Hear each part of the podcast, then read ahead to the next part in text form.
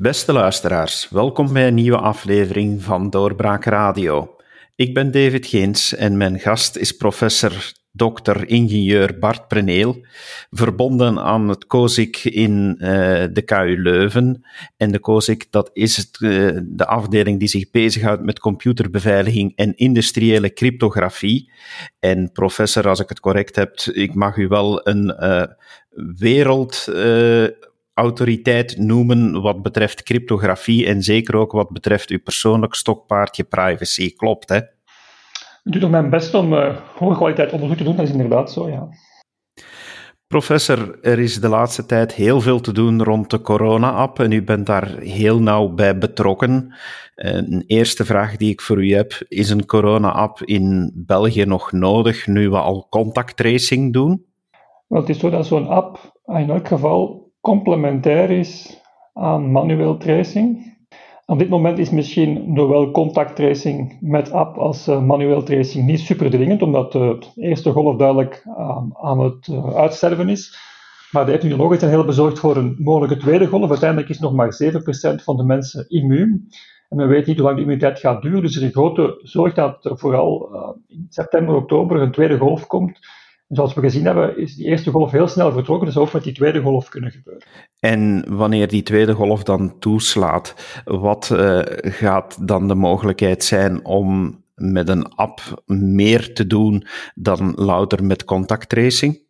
Dus een van de dingen die fout gelopen is bij de eerste golf, is dat contacttracing eigenlijk niet goed gewerkt heeft. Het aantal gevallen was zo hoog dat het gewoon niet bij te houden was. En, en we deden natuurlijk alleen maar, alleen maar manueel en had niet voldoende capaciteit. Um, en dus manuele contacttracing is zeker belangrijk. En er is nu wel voldoende capaciteit. Er is zelfs een onderbrutte capaciteit op dit moment.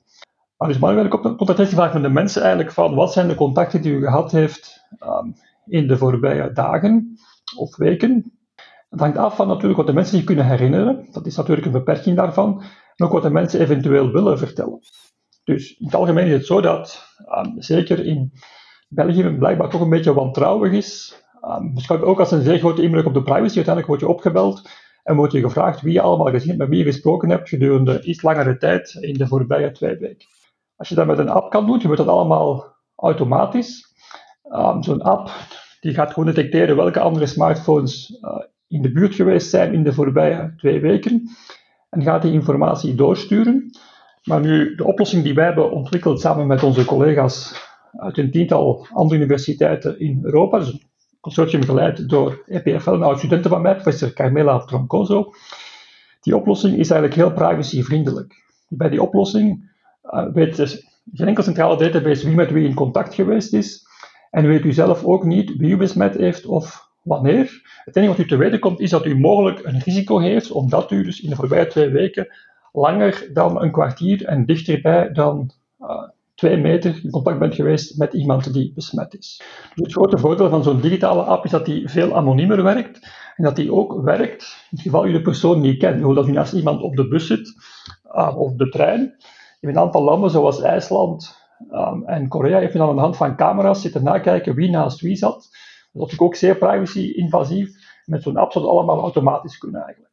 De meeste mensen vrezen zo'n app nu net wel omwille van de privacy. Uh, u zegt al dat die app uh, waar dat u aan meewerkt en de technologie die jullie mee hebben ontwikkeld, dat die net heel privacygevoelig uh, is, in de zin van dat ze de privacy enorm beschermt. Kan u iets meer uitleggen hoe de app eigenlijk werkt om die privacy te beschermen? Dus die app die wij ontworpen hebben, dat is het DP3T-protocol, die gebruikt eigenlijk privacy by design. Er wordt enkel minimale informatie verzameld en gebruikt. Dus wat er gebeurt is, u installeert die app. Op dat moment bent u volledig anoniem. Dus er wordt niet gevraagd om uw naam in te geven of uw telefoonnummer of enig andere gegevens voor die app. Die app zelf is gewoon anoniem. Wat die app doet, die maakt een sleutel aan. En op basis van die sleutel worden random codes gegenereerd. En die codes worden gewoon via Bluetooth uitgestuurd in, in broadcast, dat zeggen dat alle telefoons in de buurt die kunnen oppikken. En die codes die veranderen elke 10 à 20 minuten, dus dat laten ook niet toe om u te tracken of te volgen. Nu, andere telefoons met die app gaan gewoon ook zelf codes sturen, maar ook de codes die ze kunnen horen opslaan in hun geheugen. Dat is alles wat er gebeurt. Dus zolang je niet besmet bent, gebeurt er niks, stuurt uw telefoon zelf geen enkele gevoelige informatie, enkel maar die willekeurige random code. Nu, als iemand dan besmet is, dus als iemand um, een medische test ondergaat, moet vast dat die persoon positief is, dan zal die persoon een code krijgen en met die code kan hij zijn sleutel opladen in een centrale database.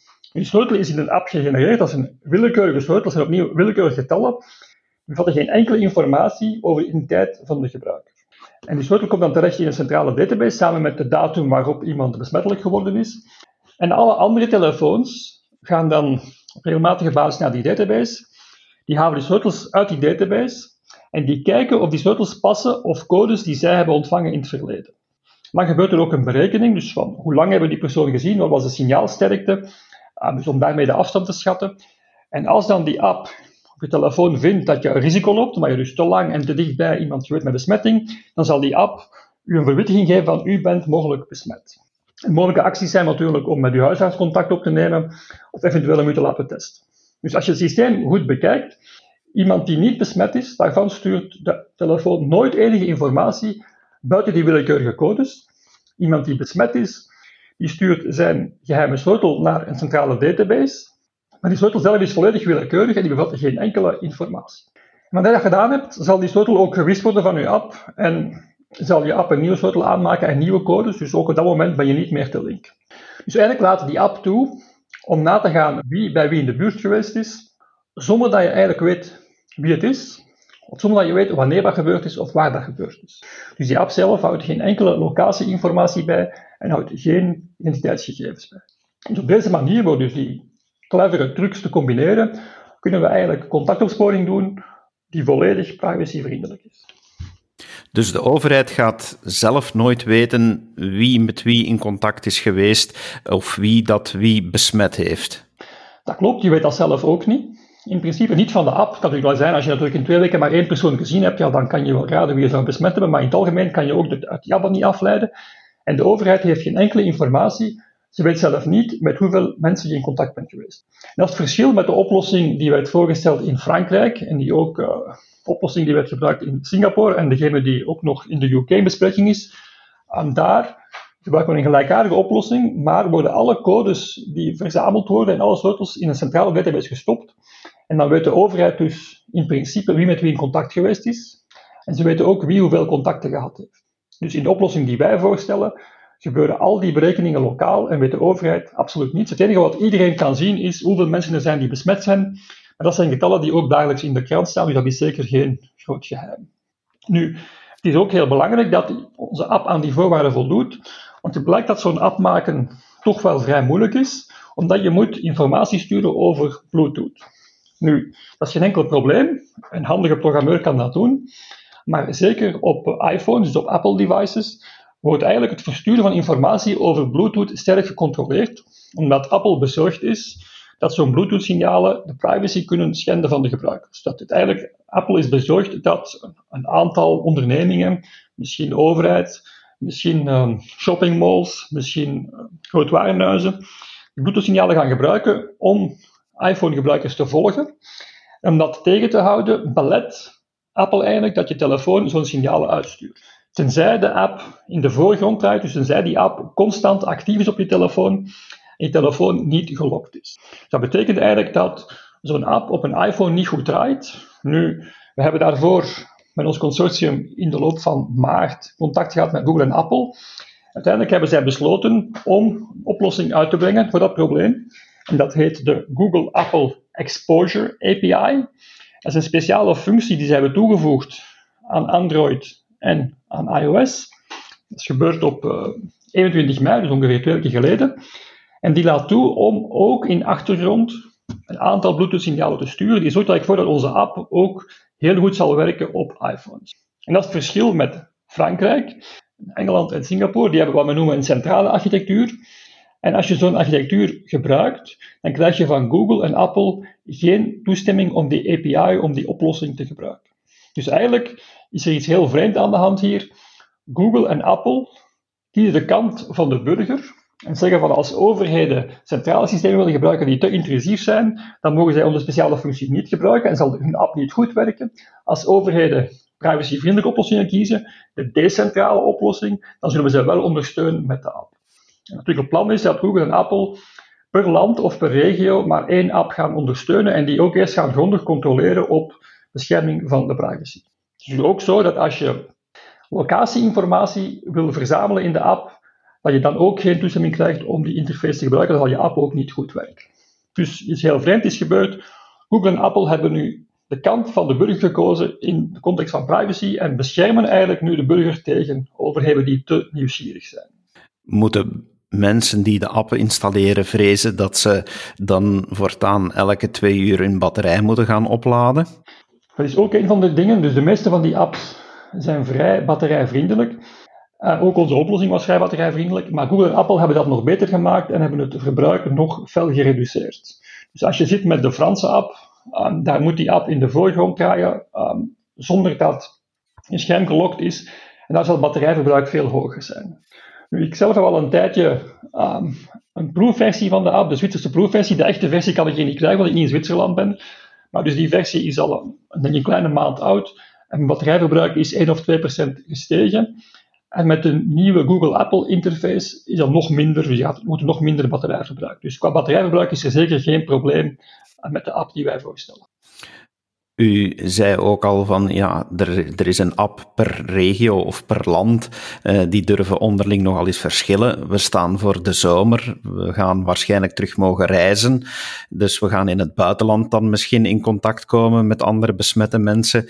Dan gaat uh, deze reeks van apps niks helpen, want iedereen gaat een andere ja, landelijke versie hebben.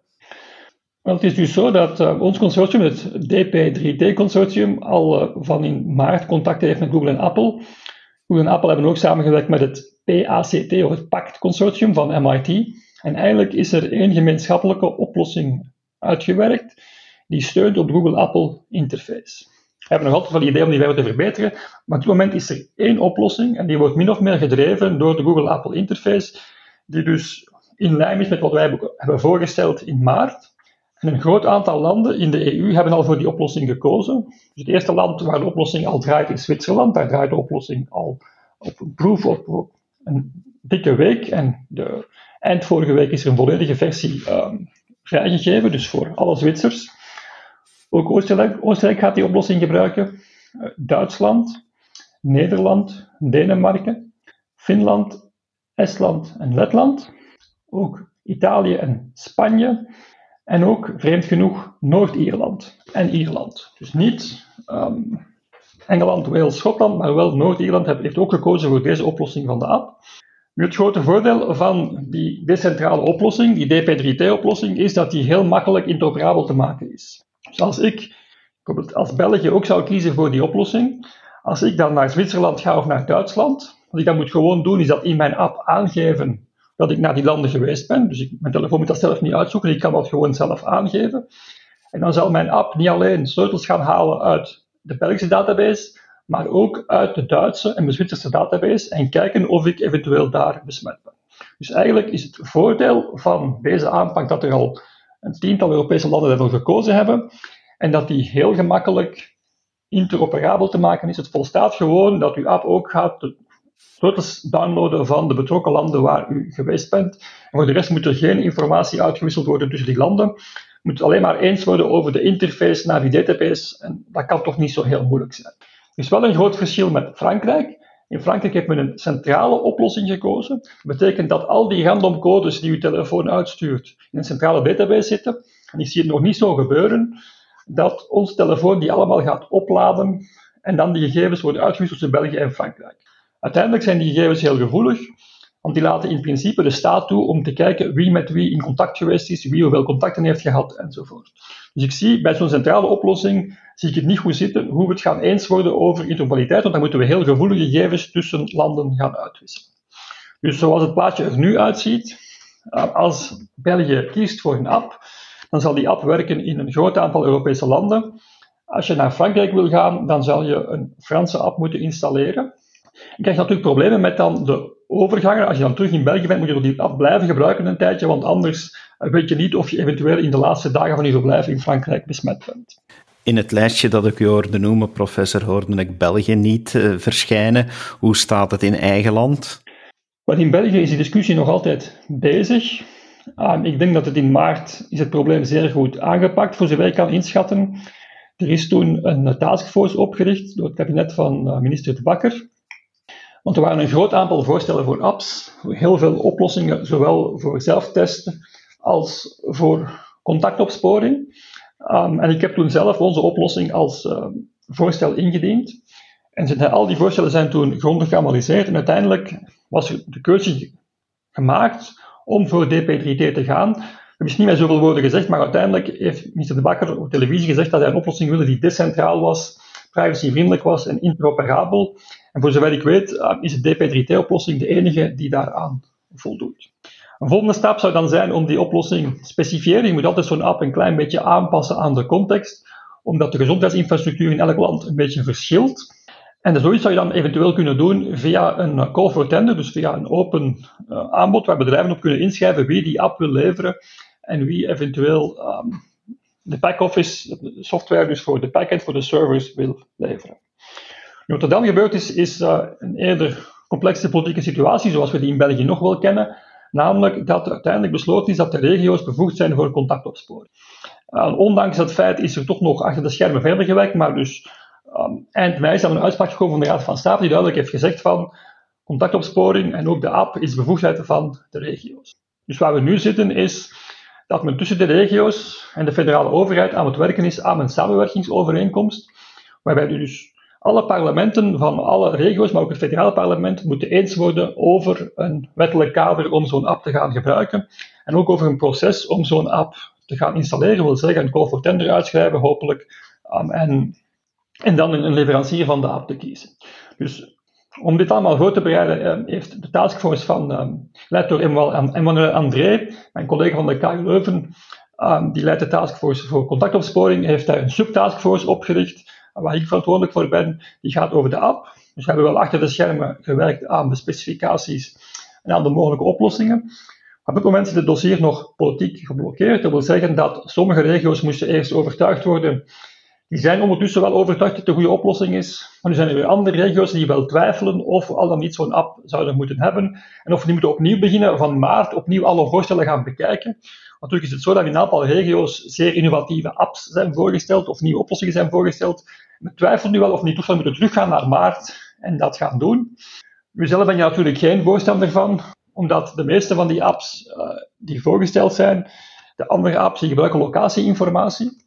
En als je locatieinformatie gebruikt, dan krijg je geen toegang tot de Google Apple API, wat betekent dat je zit met een app die niet kan draaien um, in de achtergrond op iPhones. En je zit met een app die een heel hoog batterijverbruik heeft. Dus eigenlijk zit de situatie op het moment politiek geblokkeerd. Iedereen moet het eens worden. En zelfs als het eens wordt, zal het nog een huzarenstukje zijn, want dan moeten alle parlementen in België een gelijkaardige tekst goedkeuren. Als er dus één parlement ergens een komma verandert, dan moet alles opnieuw naar een andere parlement. Dus de schatting is dat zoiets ongeveer vier weken zou duren. Ik denk dat als we zouden vandaag kiezen voor de DP3T-app, die in praktijk brengen, zou ook ongeveer drie à vier weken duren. Maar goed, de vraag is, moet de eerste politieke deblokkering moet eerst een beslissing zijn van, gaan we het juridisch kader in orde brengen en gaan we het met alle regio's eens worden. En daar zijn we voorlopig nog niet aan toegeraakt. Gaan de mensen verplicht worden, denkt u, om de app te installeren, of zal het altijd vrijwillig blijven? We dringen er heel sterk op aan dat het zou vrijwillig zijn, um, om verschillende redenen. De eerste reden is dat als je zoiets verplicht maakt, het ook heel gemakkelijk is om te gaan saboteren. Je kan altijd een smartphone hebben met app en een smartphone zonder app. Maar zelfs als je maar één smartphone hebt, kan je altijd Bluetooth afzetten of die app tijdelijk stoppen. Dus sowieso als het gebruik van zo'n app op zo'n telefoon is een vrijwillige bijdrage waarbij iedereen zegt van kijk, we zitten met een probleem, een risico van een tweede golf of een derde golf. Ik ga het contact opsporen vergemakkelijken en ik ga de veiligheid voor mezelf vergroten, want als ik ooit risico loopt, zal ik het sneller verwittigd worden. Dat de mensen eigenlijk uit eigen belang en het algemeen belang zo'n app gaan installeren en gebruiken. Als je zoiets gaat opleggen, dan wordt zo'n app de vijand. Nu, het is heel gemakkelijk om zo'n vijand op je eigen telefoon uit te schakelen. Dus in die zin, als je zoiets verplicht maakt, denk ik, gaan de mensen het, soort, het boycotten. En dan ben je terug naar, naar het begin.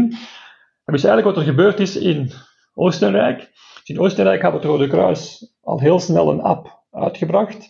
Nu, na een paar weken is daar een analyse van gemaakt. En die analyse was niet zo positief, in die zin dat die app toch wel een aantal privacy-inbreuken uh, bevatte. Um, en toen is met het Rode Kruis overlegd. En toen hebben ze een plan gemaakt van hoe kunnen we dat privacy, meer privacyvriendelijk maken. En ze hebben een tweede versie van de app gemaakt. Er is nu een derde versie gepland, uh, die meer compatibel is met TP3T. Maar dus terwijl de tweede versie in ontwikkeling is, heeft een van de Oostenrijkse ministers geopperd dat men die app zou gaan verplicht maken. En onmiddellijk heeft een grote massa mensen de app verwijderd. Op dit moment is het aantal mensen dat de app hebben in Oostenrijk maar 4%. Dus ik denk als je zoiets verplicht maakt, dan krijg je onmiddellijk een probleem. Krijg je een tegenreactie van de bevolking. Verwacht ook zoiets in België. Het moet duidelijk een vrijwillige bijdrage zijn aan het algemeen goed voor het algemeen belang. Hoe komt eigenlijk, professor, dat, uh, of ja, ik, uh, ik ben eens heel benieuwd naar de achtergrond van, van COSIC, dat uh, jullie hier nu eigenlijk wereldwijd, wereldwijde faam hebben en dat jullie hier een leidende rol innemen. Is dat een lange weg waar jullie aan getimmerd hebben? We doen al onderzoek naar privacy voor meer dan twintig jaar, toen het onderwerp nog niet zo hip was en voor GDPR. En eigenlijk in ons onderzoek proberen wij vooral te werken aan privacy by design. Hoe kan ik eigenlijk doelstellingen die nuttig zijn voor de maatschappij bereiken, zonder privacy op te geven? Dus heel vaak wordt het voorgesteld van, u moet al uw gegevens afgeven, want anders kunnen toepassingen niet goed werken. En onder andere hebben we, ehm, denk ik al 15 jaar geleden, uh, systemen ontwerpt voor ontworpen voor betaalrijden, maar ook voor um, verzekeringen, dus autoverzekeringen. Dus vandaag kan u uh, autoverzekering nemen, die afhangt van een aantal kilometers, maar u kan ook een autoverzekering krijgen in heel veel landen in het buitenland, afhankelijk van uw rijgedrag. En de manier waarop dat werkte was dat die verzekeringsmaatschappij dan een doosje in uw auto stopte en dat doosje stuurde dan alle gegevens van um, uw rijgedrag naar de verzekeringsmaatschappij. Dat wil zeggen, um, trok u veel op aan de lichten, reed u vaak s'nachts, reed u soms te snel. Al die gegevens werden doorgestuurd en als u dus zich goed gedragen had, dan kreeg u een korting. En waren daar persoonlijk door, door gechoqueerd, door zo'n heel privacy-invasieve oplossing. En hebben wij zelf een oplossing gebouwd, waarbij er een zwarte doos in de auto zat, die ook keek of u goed reed, maar die enkel maar het bedrag dat u moest betalen of de korting die u kreeg doorgaan van de verzekeringsmaatschappij. Die natuurlijk ook wel toeliet om een aantal dingen te checken, dus je kon niet die doos uit de auto verwijderen um, en dan beweren dat je niet gereden had, dus er waren wel veiligheidschecks op. Maar dat was dus ons idee van, kijk, je kan zo'n verzekeringsrijden, of verzekering afhankelijk van je gedrag, je kan dat ook doen zonder de privacy te schenden. We hebben ook een gelijkaardige oplossing gemaakt voor betaalrijden. Dus je kan perfect uh, betaalrijden doen, waarbij je moet betalen in functie van de software dat je gebruikt, of het tijdstip, of de drukte op de weg, en er toch geen centrale informatie wordt verzameld. En dus typisch werken wij ook aan dingen zoals verkiezingen, en dit is een ander project dat eigenlijk ons enorm aanspreekt. Twee jaar geleden, aanspraak. Twee jaar geleden heb ik ook een project gedaan. En dat was naar aanleiding van een oplossing op de markt waarbij mensen hun um, bagage konden tracen. Dus je kreeg een soort chip in de bagage ingeplant en dan kon het bedrijf dat je betaalde altijd zeggen waar je, waar uw bagage was. Ik vond het ook zeer chockerend. Dat een oplossing gemaakt waarbij je dus zo'n klein toestel aan je bagage of aan je fiets toevoegde. En dan kon je altijd vinden waar je bagage was, maar enkel jij kon dat vinden en niemand anders. En dat is een beetje vergelijkbaar met contactopsporing. Dus het project zelf Um, DP3T is gestart door een van mijn oud-studenten, die trouwens meegewerkt heeft aan de projecten over betaalrijden. Die is zelf nu professor in EPFL en dus heeft het project opgestart en ze heeft dan ons vrij vroeg gevraagd om mee te werken. Ik denk dat u terecht trots mag zijn op uw studentenprofessor. Eh, dank u wel dat u eh, hebt meegewerkt aan onze podcast om meer uitleg te geven over deze app. En laat ons hopen dat het politieke getouwtrek in eigen land eh, snel een oplossing mag geven en duidelijkheid mag brengen en dat er gekozen wordt voor de oplossing die u voorstelt, die onze privacy waarborgt. Dank u wel voor uw uitleg, professor. Graag gedaan. En uw beste luisteraar, we hopen u ook weer te mogen begroeten bij een volgende podcast. Luister zeker naar onze andere podcasts en graag tot een volgende keer. Dag. Dit was een episode van Doorbraak Radio, de podcast van doorbraak.be. Volg onze podcast op doorbraak.be/radio of via Apple Podcasts, Overcast of Spotify. Bezoek ook onze website op doorbraak.be en steun ons door een vriend te worden van Doorbraak.